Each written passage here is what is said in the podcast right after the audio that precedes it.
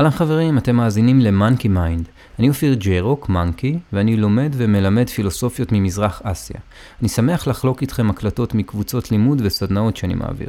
הידע הזה עוזר לי באופן אישי להתנהל ברכות וחמלה עם עצמי ועם הסביבה, ולראות שהדברים הם בסך הכל נקודת מבט, ויש עוד המון אופני הסתכלות על אותו הדבר.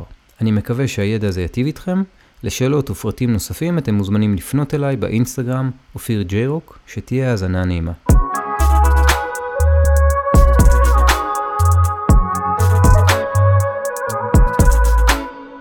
אורייט, right. אז אנחנו רוצים רגע להבין שנייה מה קורה בתוך ה... ביחס הזה שבין התודעה להכרה. כשרוב החיים אנחנו בעצם נמצאים באיזושהי הזדהות עם ההכרה, כן? אני אומר, אני אה, כזה וכזה, אני ממש מאמץ את התכונות של ההכרה שלי, ואני ממש חי בתור איזושהי דמות שהיא בכלל ההכרה שלי. פה אפשר לראות דווקא באיזושהי זווית בודהיסטית, שדווקא אני לא הצורות, אלא אני הריקות. אני לא הידע, אלא אני האי-ידיעה של אותו הדבר שנקרא תודעה או מודעות. אז אם ככה, איך בעצם עובדת ההכרה? אוקיי, אז ההכרה זה איזשהו מכשיר, שהוא, מה שהוא עושה, הוא בעצם כמו פרוססור כזה, שאנחנו אוספים דרכו ידע מסוים, והידע הזה מומר לפעולות. למה זה מומר לפעולות? בשביל שנמשיך להתקיים וגם בשביל להטיב איתנו. עכשיו, האיכות של ההכרה היא שהיא תמיד תשאף לטוב. לטוב, וגם מבחינת ההכרה, תפיסה של טוב, זה הרבה פעמים גם נעים, שזה דבר בעייתי, בשביל זה קל לנו מאוד להתמכר. ההכרה עכשיו חוותה, עישנתי ג'וינט, uh, ווואו, זה היה לי מאוד נעים, ופתאום הדבר הזה, מאיזושהי מטרה שאמורה להיות משהו שהוא uh, תומך דהרמה, uh, משהו שהוא uh, מקיים, משהו דהר מכן, למשהו שהוא פתאום נעים, והנעים הזה הוא לא בהכרח מה שמטיב איתי. כשבעצם ההכרה עצמה נצבעת בהמון איכויות, ואני לא מצליח לראות שאני לא רואה את הדברים בהיר, אלא שאני רואה את הדברים דרך האיכויות האלה של ההכרה. אוקיי? אם אני עכשיו רעב, האיכות של ההכרה משתנה בהתאם. אם אני עכשיו עייף, כן, אני רואה את הדברים לא באופן בהיר. כן, תחשבו על, uh, סתם, הסיטואציה הכי פשוטה שאני נמצא עם איזשהו חבר ואני בנסיעה. בתחילת הנסיעה, וואו, איזה כיף, ולקראת סוף הנסיעה, כבר אני גם רעב ואני גם אה, עייף, ופתאום הסבלנות שלי היא קצרה בהרבה יותר, ופתאום הבן אדם, החבר, הוא מעצבן, הוא מציק. הוא פתאום, אני, אני לא רואה אותו כמו שהוא בריקותו, באושרו, אלא אני רואה אותו דרך הפילטור של ההכרה שלי. שההכרה כרגע עמוסה בכל מיני תכנים ורגשות ותחושות, תחושות של רעב, או... עכשיו, תחשבו על מה שקורה עכשיו, איזה עומס הכרתי מטורף יש. עכשיו, בואו נעשה איזשהו סדר. יש את המודעות, כן, מה שמכנים סאצ'ית אננדה. סאט זה משהו שהוא אה, ממשי, צ'יט זה תודעה ואננדה זה איזשהו עונג או עושר, יותר עושר אה, קיומי כזה אינסופי, ולא תלוי גם לפי הגישה היוגית, הוא לא תלוי בדבר.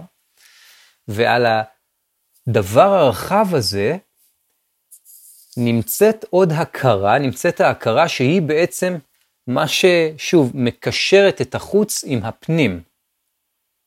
כן, הדברים נרשמים על גבי ההכרה. ממש יש רישום, בשביל זה גם משתמשים במילה וריטיז.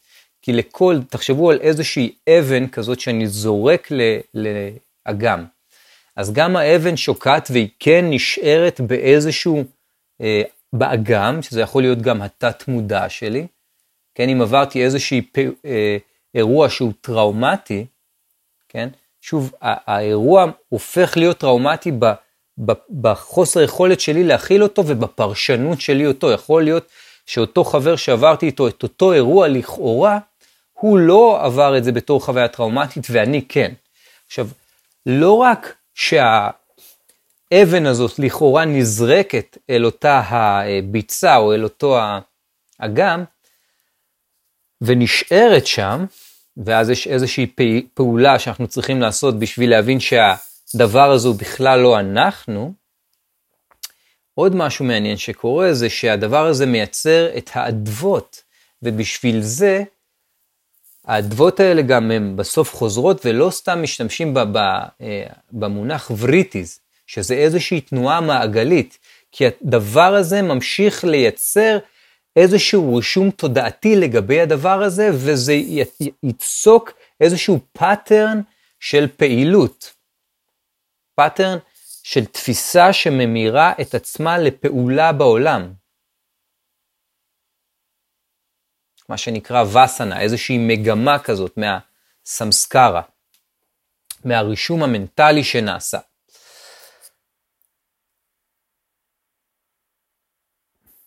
אוקיי.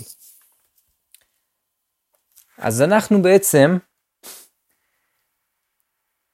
מתחילים להבין שההכרה זה משהו שאמור לשרת אותנו, אבל בעצם הרבה, ברוב המקרים יצא קצת מכלל שליטה, ובמקום שאנחנו נרתום את ההכרה, ההכרה רותמת אותנו.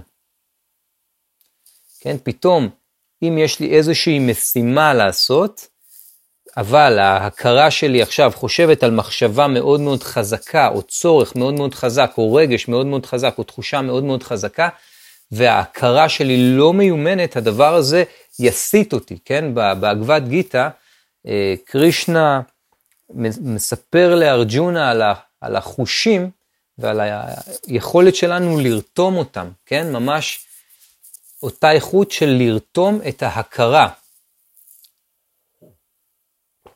שנוכל להמשיך ולעשות את הפעולה שמטיבה עם המטרה שהגדרתי, ולא עם, שוב, התכנים שעולים על גבי ההכרה. אז אם ככה, ההכרה הזו היא מורכבת, כן, כל העולם החושי הזה מסתכם, מתנקז אליה, והיא מורכבת ממה שקראנו, ממה שנקרא וריטיז, רגשות, תחושות ומחשבות. עכשיו, אם אני נתקל במשהו, ופתאום נוצרת לי איזושהי תחושה נעימה לגביו, כן? כמו, באותו, כמו בסיפור של הנסיעה, שאני פתאום נהייתי אה, עייף ורעב, אני מתחיל לייחס את התכונות, אני לא רואה שהפילטר הזה הוא שלי, אני לא רואה שהתכונות האלה זה מה שנצבע בהכרה שלי וזה מה שצובע לי, כן? תחשבו שאני שם משקפיים והם עכורים, אני רואה עכשיו את הבוץ הזה בכל מקום. ואני פתאום מתחיל לחשוב שהבוץ הזה הוא מה שנמצא שם. אני מתחיל לראות את החבר שנוסע לידי, כן, מתוך העייפות והעצבות הזאת, בתור מישהו שהוא מעצבן. פתאום אני מייחס אליו את התכונות שבכלל נמצאות בהכרה שלי. מה שצובע לי את ההכרה, אני עושה איזושהי השלכה אליו.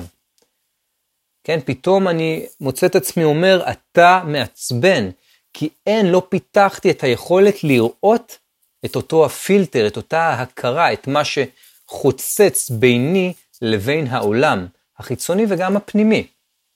כן, גם העולם של הרגשות והתחושות.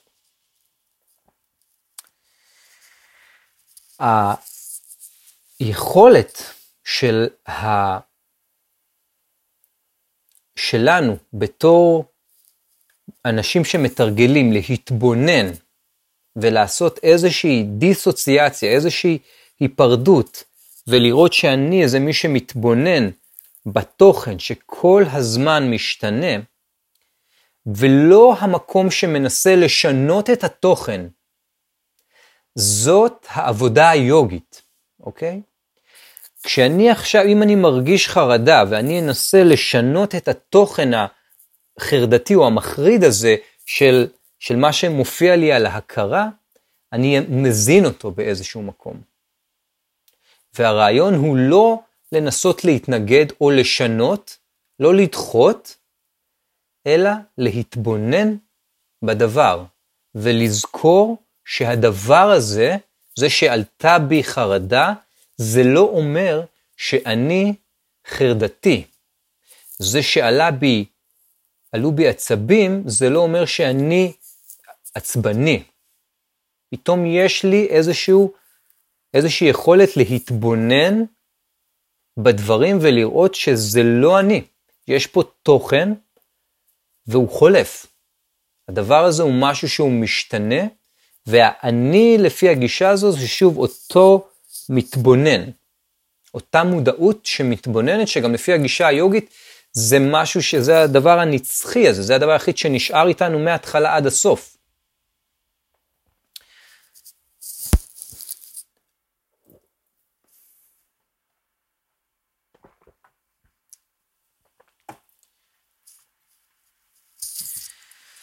אוקיי, okay. עכשיו, ההכרה זה בעצם איזשהו, אמרנו, מכשיר שהתפקיד שלו זה לעשות טוב בעולם. כל ההכרות, כל השאיפות של כל ההכרות, זה לעשות טוב בעולם. אבל מה הבעיה? מה למדנו כבר מה, אה, מהבודהיזם? את העניין של הריקות. יש באמת טוב בעולם? יש משהו שהוא באמת טוב באופן אבסולוטי? או שהדברים הם תלויים בידע שצברתי. אוקיי? זאת אומרת שאם אני צובר עכשיו ידע מסוים, הדבר הזה הוא, איתו ההכרה עובדת. ההכרה עושה איזשהו תהליך, איזשהו פרוסס אל הידע הזה, והיא ממירה אותו לפעולה שבתפיסה שלה היא הפעולה המטיבה ביותר. וזה נהיה מסוכן.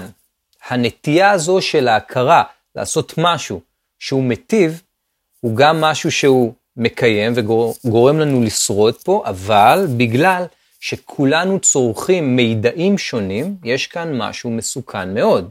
שהרי ההגדרה של טוב היא תלויה בידע שיש לנו, ואם ההכרה לא בהירה, הידע שאנחנו משיגים הוא לא ידע לגבי האני, לגבי המתבונן, אלא לגבי מה שנקרא האבידיה, האנטי ידע באיזשהו מקום.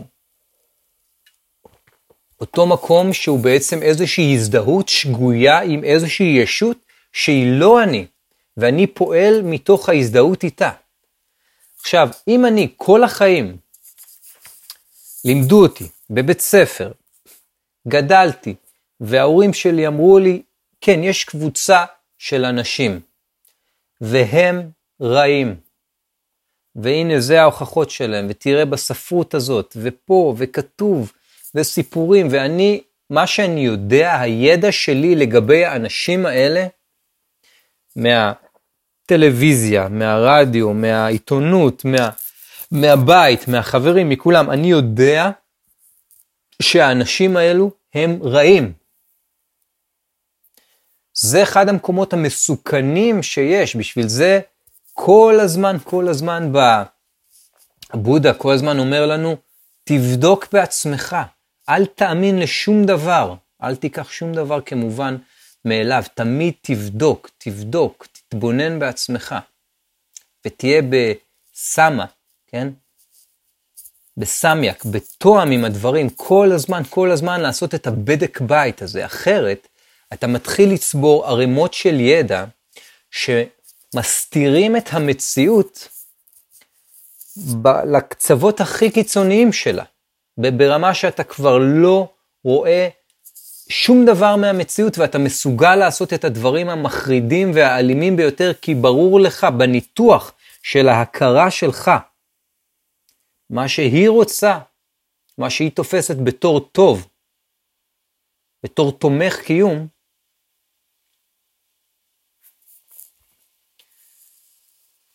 הוא משהו שהוא יכול להיות הדבר האלים ביותר, ואתה בכלל לא תהיה, אתה לא תוכל לראות, אתה לא תוכל להיות באיזושהי מודעות אל הדבר הזה. כל הידע מסתכם ועובר את הפילטור של ההכרה וממיר את עצמו לפעולה בעולם.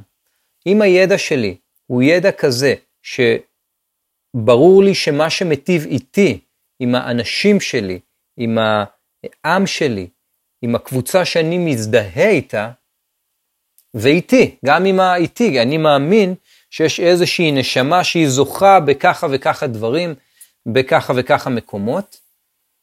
הפעולות, שוב, שאני אעשה בעולם, זה הפעולות שאנחנו עדים אליהן. זה יהיה קיצוני, אבל אני רוצה שבכל זאת להגיד את זה.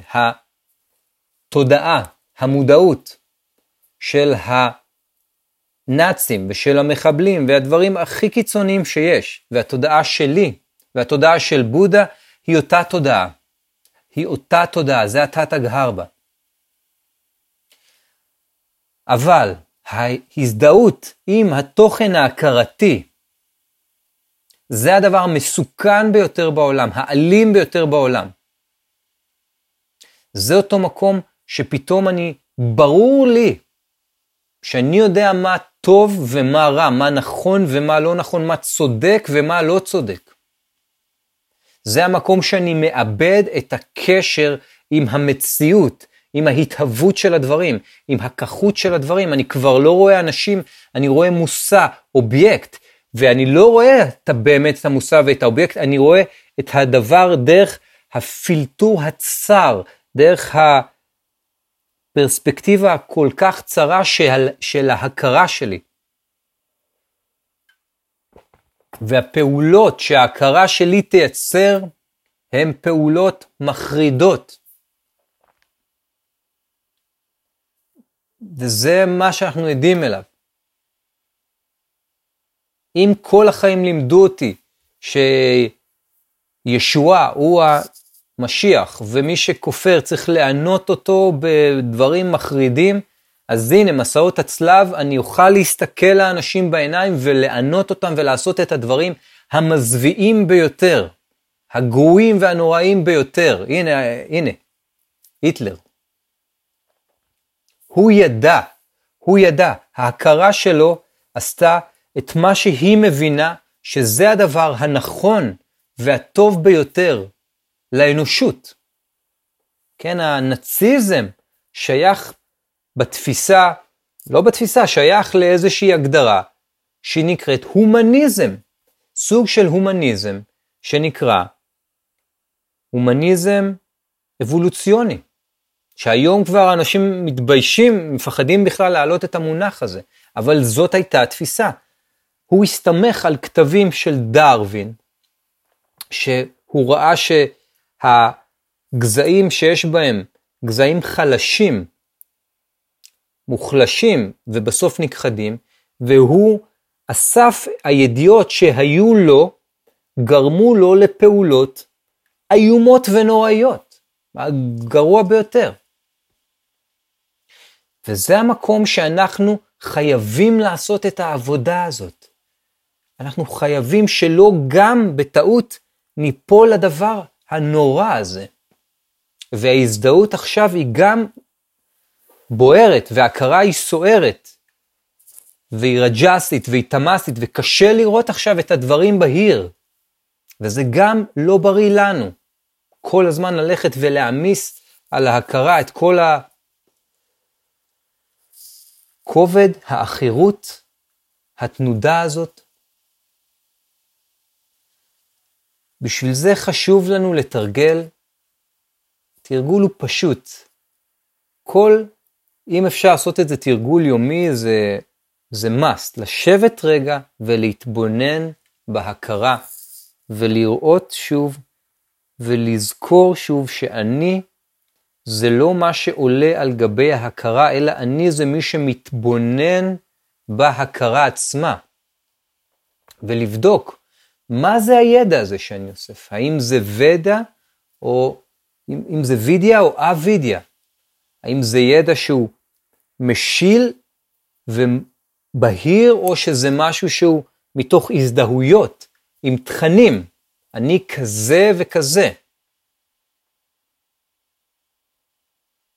האם יש לי את היכולת לראות, ואם יש לי את היכולת להתבונן, אני נותן מפה לדאו, לקח מעצמו לעשות את הפעולה לבד. כמו שאומרים בזן, הדרך הכי יעילה לגרום לדלי עם חול להתנקות, זה לחכות עד שהחול שוקע. הדברים יקרו כך מעצמם, אבל בשביל זה אני צריך את היכולת להתבונן בדברים. יש חרדה, יש טראומה, אבל זה לא מלחמה עם זה, זה היכולת לראות שזה לא אני, ולהתבונן בדבר. וברור שיש חרדה, ברור שיש טראומה, זה מחובר ל- ל- למציאות. יש חרדה כי יש דברים שהם יקרים לנו בקיום הזה, ואנחנו מרגישים שזה יתערער. או יש טראומה כי עברנו דברים שהם מסעירים ואי אפשר להכיל את זה. והגישה היוגית אומרת לנו, תן לדברים לעבור כך מעצמם. אל תסתכל על זה ותגיד, או, oh, זה לא טוב, או או, oh, זה טוב.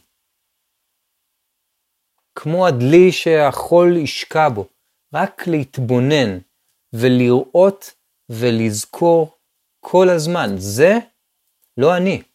התוכן הזה הוא לא אני. עלתה חרדה, עלה לחץ, עלתה התרגשות, זה לא אני.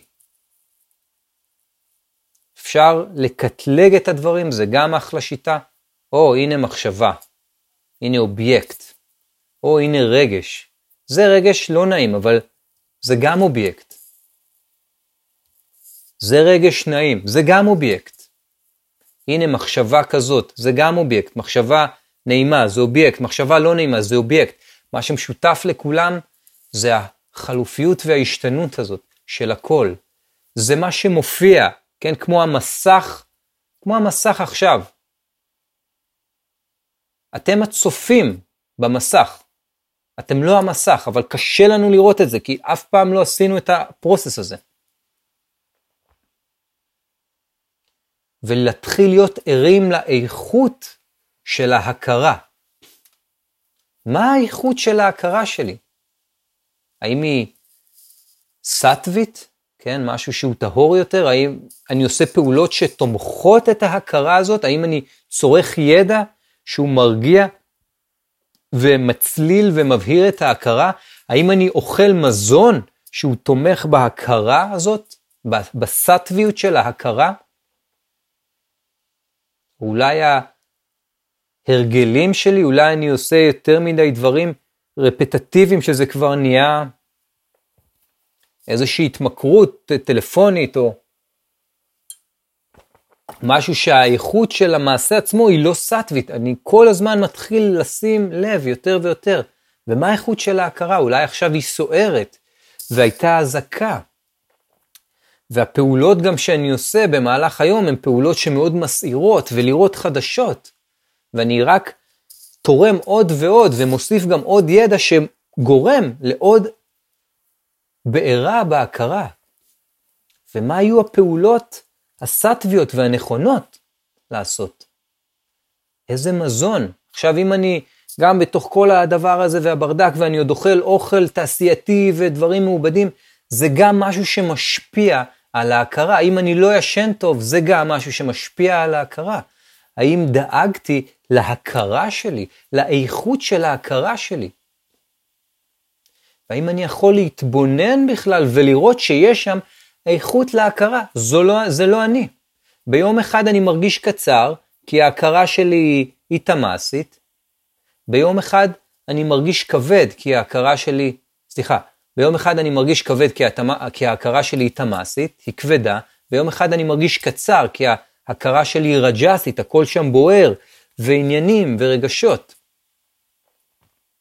איך אני יכול להזין אותה במשהו שהוא מטיב, במשהו שיעזור לי לנקות אותה, משהו שהוא סטווי יותר באיכות שלו, עד שנוכל לראות את הדברים כמה שיותר קרוב לכחות שלהם.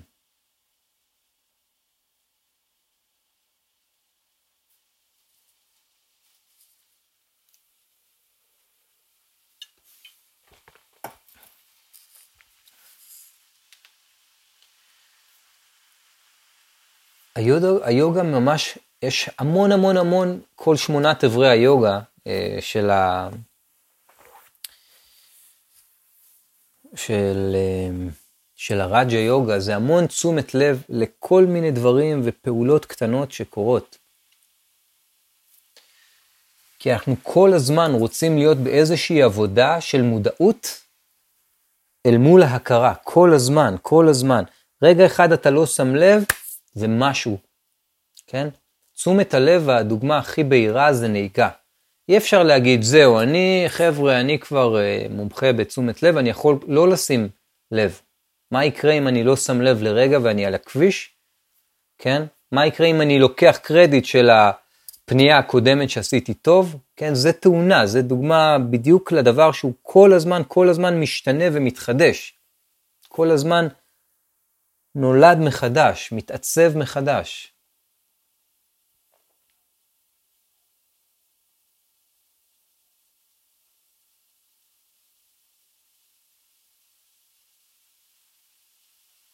האם יש לי יכולת לראות, להתבונן רגע בתחושות, ברגשות, במחשבות?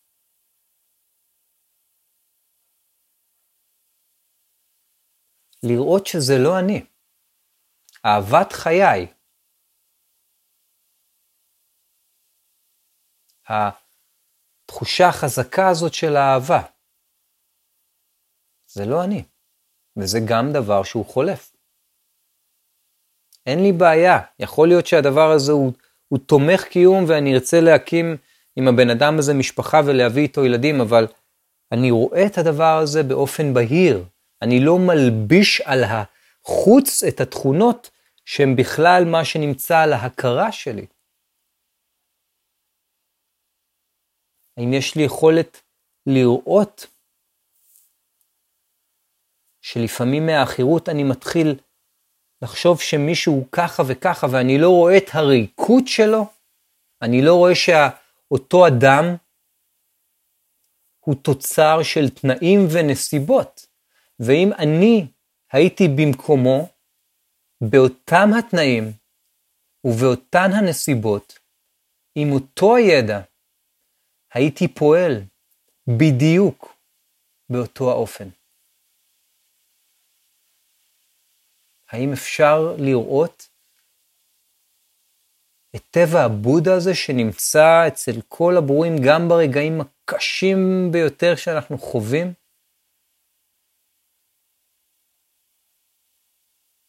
תוך כדי שאנחנו, כמו שאומרים בה ביהדות, זה נקרא מלחמת מצווה. אנחנו מצווים לעשות את זה. אף אחד לא שואל אותנו אם בא לנו או לא בא לנו להילחם. הבת שלי, אימא שלי, אח שלי, אבא שלי, זה מי שצריך כרגע להביא חזרה הביתה. זה המקום שאתה קורא את הבגבד גיתא, וארג'ונה אומר לקרישנה, אני לא רוצה להרוג אותם, אני לא יכול להרוג אותם, הם בני דודים שלי. זה המשפחה שלי, זהו סבא שלי, והוא לימד אותי ככה וככה, והוא היה איתי בילדות ככה וככה. ו... קרישנה אומר לו, זו הדהרמה שלך. זו מלחמת מצווה, אין פה בכלל שאלה. אף אחד לא נותן לנו את הזכות לשאול. אנחנו מצווים לעשות את הדבר הזה, ועדיין עם איזה, עם איזה הכרה אנחנו פועלים. האם אנחנו נקיים או שאנחנו עכורים בתוך הדבר הזה?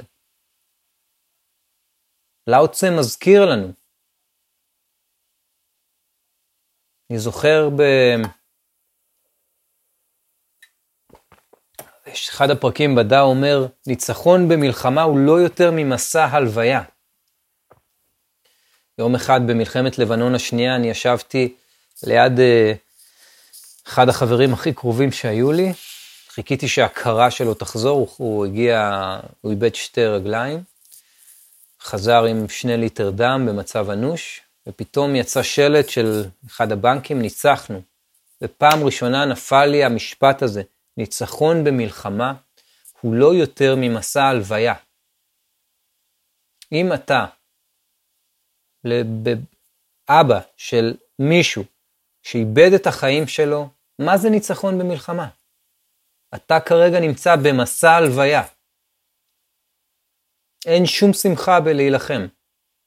אנחנו עושים את זה כי אין לנו ברירה אחרת, אין לנו אופציה אחרת.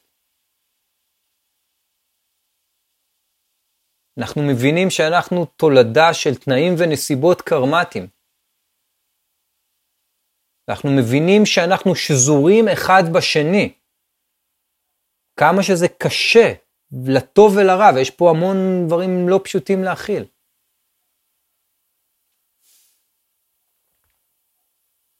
אני רואה את ה... את הקרמה השזורה הזאת של השכנות הקשה הזאת.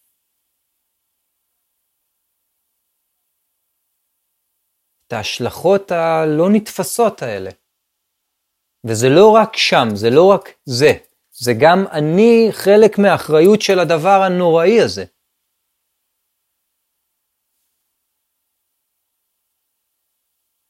אני לא רואה רק נפרדות, אני רואה גם את הרצף, גם בקושי.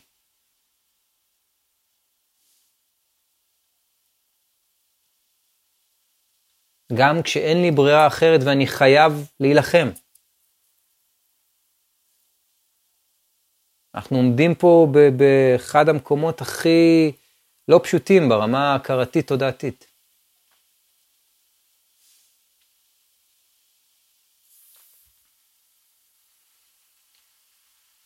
כל תחושה, כל רגש,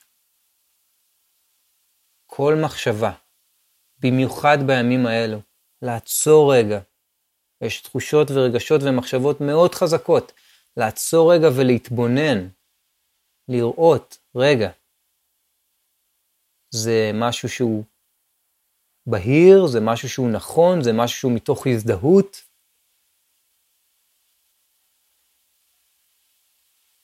אנחנו נמצאים בפיק של התרגול. כל שעה ביום הזה, כל מטוס שחג פה, כל notification של אזעקה. אנחנו נמצאים בתרג... ב peak, ב climax של התרגול. ואם לא ניקח את זה למקום של מודעות, אם לא נעשה את הדבר הזה לשיעור וללימוד ולעבודה פנימית,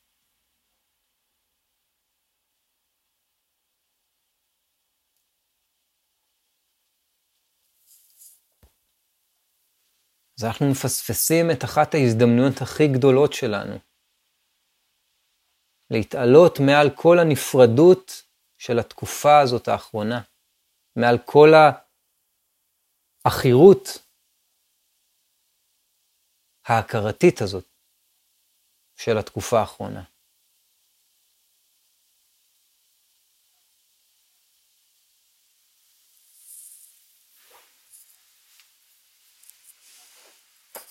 זה זמן לקרוא ספרות, לשמוע דברים, לתרגל תרגולים. לא סתם. איך שמתחילה, איך שם בקורג שטרה, איך שבשדה קרב, איך שיש את התקיעות בקונכיות המלחמה, קרישנה בא ואומר לארג'ונה, הנה, ומתי לתרגל? עכשיו. זה הזמן של התרגול. במקומות הקשים, עם זה אנחנו עובדים. ואנחנו מתבוננים, שוב, אני אחזור על זה שוב, אני עושה מדיטציה ואני מתבונן ברשמים של ההכרה, אני מתבונן במה שמופיע על גביה. אני לא נאבק, זה בסדר שהדברים לא נעימים. אני לא משתוקק לזה שזה יהיה נעים, זה יקרה, זה יעבור כך מעצמו, זה הדבר הזה. אנחנו עוברים איזושהי חוויה אישית וקולקטיבית. וכל אחד כאן, כדאי שהוא יהיה חזק מספיק בשביל גם להיות, בשביל כל השאר. וזה דורש עבודה.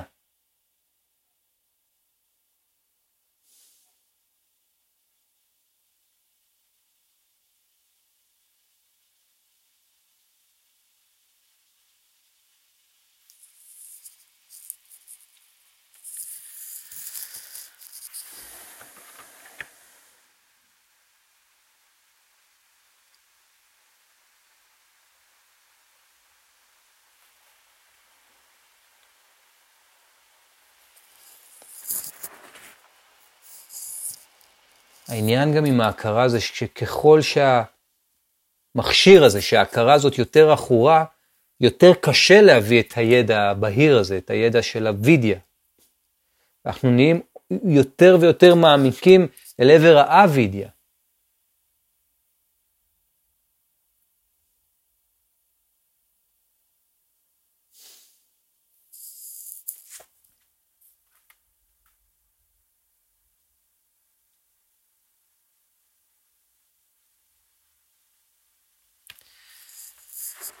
האימון שאנחנו יכולים לעשות ומאוד ייטיב איתנו כרגע, זה לרתום את ההכרה, שבמקום שהיא תרתום אותנו, אנחנו נרתום אותה.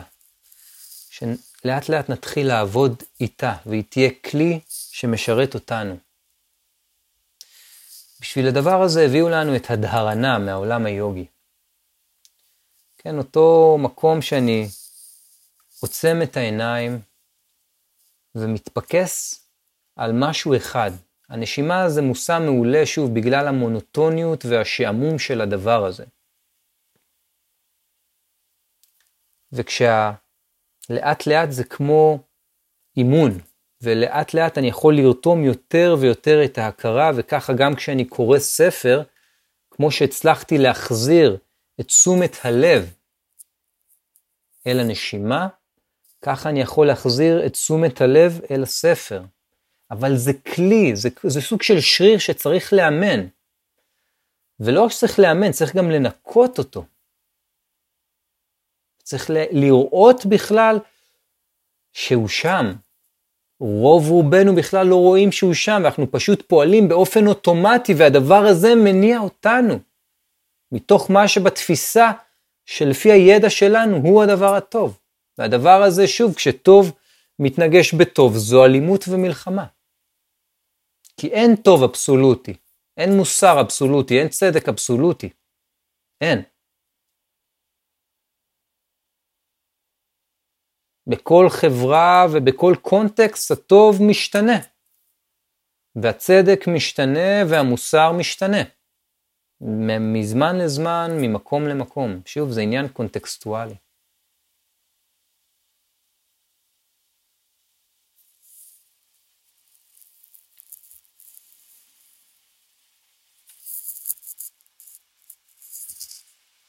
אוקיי, חברים, אנחנו לקראת סיום, יש שאלות?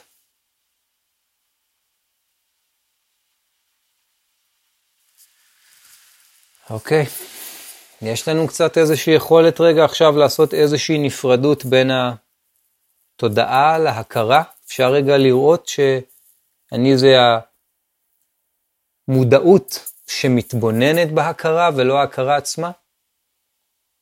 שומע? כן. גם עוד מישהי מקודם האמת ניסתה נראה לי לשאול משהו ולא שמעת. אוקיי. מי עדיין. אבל אה, באתי אה, לשאול אם, כאילו הרי אומרים, כאילו אתה אומר שאני זה לא הדברים שעולים בי ואני זה לא ההכרה שלי, אבל, התוד... אבל אני כן התודעה שלי, זה כאילו עניין של...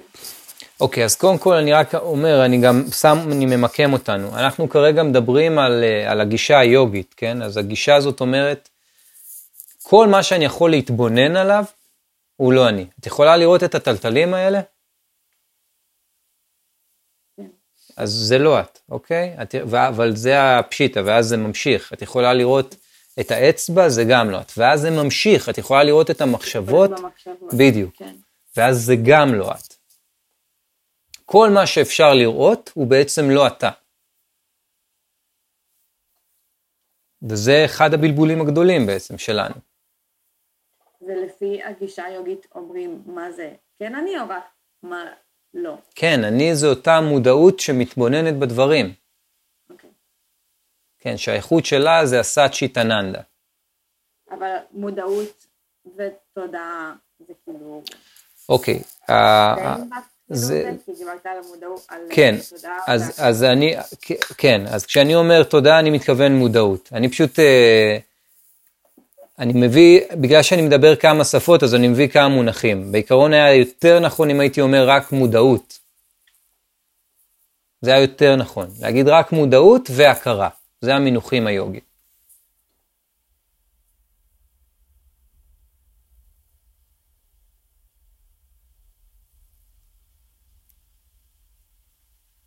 עוד איזה שאלות? אמ, הייתה לי מחשבה שעלתה לי, שאני מבינה שגם יש משהו שהוא בהקשר של מה שקורה עכשיו, של אמ, מה שדיברת, אבל חשבתי על... אמ, יש מצבים כאלו, שזה קרה לי בדיוק עכשיו באיזה משהו, שקורה איזה משהו נגיד מאוד אה, מיוחד, נגיד, אפילו יכול לקרות במדיטציה. כאילו אני לרגע נכנסת לאיזשהו, פתאום לרגע אני באמת במדיטציה, באמת הראש ריק, באמת אה, זה, אבל אז פתאום אני אומרת, אני במדיטציה, אני במדיטציה, הנה הראש ריק, כאילו, אה, אני מודעת לזה, וזה כאילו נהרס. זה הידיעה שנכון, כאילו שיש איזו נוכחות, רמה של נוכחות מאוד גבוהה, אבל ברגע שאני פתאום מודעת לנוכחות הזאת, אני הופכת למתבוננת ובחוץ, כאילו שברתי אותה. אוקיי. אני כבר לא, הרגע הזה, ואז זה כאילו כמו השאלה שלי, מה הקשר בין זה לבין נוכחות? כאילו, אבל? כן, אני מבין, אבל יש פה הנחת יסוד ש, שיש איזושהי מטרה להגיע לאיזשהו ריק מחשבתי. וזה מה שמגניב פה ביוגה. הם, אין, ההכרה תמשיך בפעולות שלה, זה מה שהיא עושה. היא חושבת, היא, היא, היא, היא בדבר הזה. אנחנו אפילו לא מנסים לשנות את זה. אנחנו פשוט רואים שזה לא אנחנו. וכשזה קורה, יש לי את היכולת להחזיר את תשומת הלב, זו הדהרנה, אלא מיקוד באובייקט אחד. זה, זה ימשיך לקרות, זה, לא- זה תמיד יקרה, זה תמיד קורה, זה האיכות שלה. זה, ת- תחשבו על, מה, על איזשהו פרוססור, כל עוד נכנס ידע, כל עוד יש שם ידע, הדבר הזה מייצר כל מיני דברים, בשביל זה, אה, בהגדרה שלי אני מגדיר את זה בתור משהו הקר- אה, אה, ביו-אוטומטי. אתה לא שולט על המחשבות, אי אפשר לשלוט על מחשבות ועל רגשות ועל תחושות. אני לא יכול להסתכל על אה, מישהי ולהגיד, אני בוחר לאהוב אותה, נכון? שזה אומרים גם באנגלית falling in love. הדבר הזה קורה. אז מתי אני לגמרי נוכחת? רק את יודעת. וגם יכול להיות שאת באיזושהי נוכחות. אוקיי, נראה לי שאני מבין את השאלה. היכולת שלי עכשיו לרתום את ההכרה למשהו, אם אני עכשיו קורא ספר, ואני רק קורא ספר ואני לא חושב על משהו, זו נוכחות בעצם. כשברוב הזמן מה שקורה זה שאני קורא ספר, אבל ההכרה שלי באיזשהו מקום אחר. או שפתאום אני, אה, לא נעים לי רגע, ואני מרגיש תחושה לא נעימה, אז ההכרה ישר שולחת אותי, אוקיי, אז בוא תאכל שוקולד, שיהיה לך נעים. זה באמת, אפשר לראות מה, המון מהפאטרנים האלה כרגע. היא, היא, מה שהיא רוצה זה לעשות טוב ונעים, שיש שם סוג של אפילו בלבול הכרתי בין טוב לנעים. כי לא כל מה שנעים הוא טוב, מבחינת ההכרה, איך אנחנו נהיים אוביסים? כי אנחנו זה טעים. תודה, שאלה ממש מבהירה. אז אני ממש ככה רק יכול אה, להמליץ מה שאני עושה ממש כל יום, זה נהיה ממש התרגול הקבוע שלי. יושב כמה דקות, זה תרגול מאוד משעמם ומאוד יעיל של דהרנה. אתם יכולים להתחיל בחמש דקות ולהמשיך. ואני עוצם את העיניים ואני מתבונן בנשימה. מגיעות מחשבות, מגיעות תחושות, מגיעות רגשות. אני מחזיר, אני רותם את ההכרה ואת תשומת הלב ומחזיר אותה אל הנשימה. וזה ממשיך וקורה וממשיך וקורה, עד שהשריר הזה שלי, היכולת שלי לרתום את ההכרה, הולך ומתחזק. ואחרי זה, כשאני יושב וקורא פה באמת ספר, או אה, עושה איזושהי פעילות, איכות היכולת שלי להיות נוכח בדבר היא הבדל תהומי מלפני ההתחלה של התרגול הזה. אז אני מקווה שיהיה ערב שקט ורגוע, ונתראה, אני מקווה, בקרוב. תודה רבה.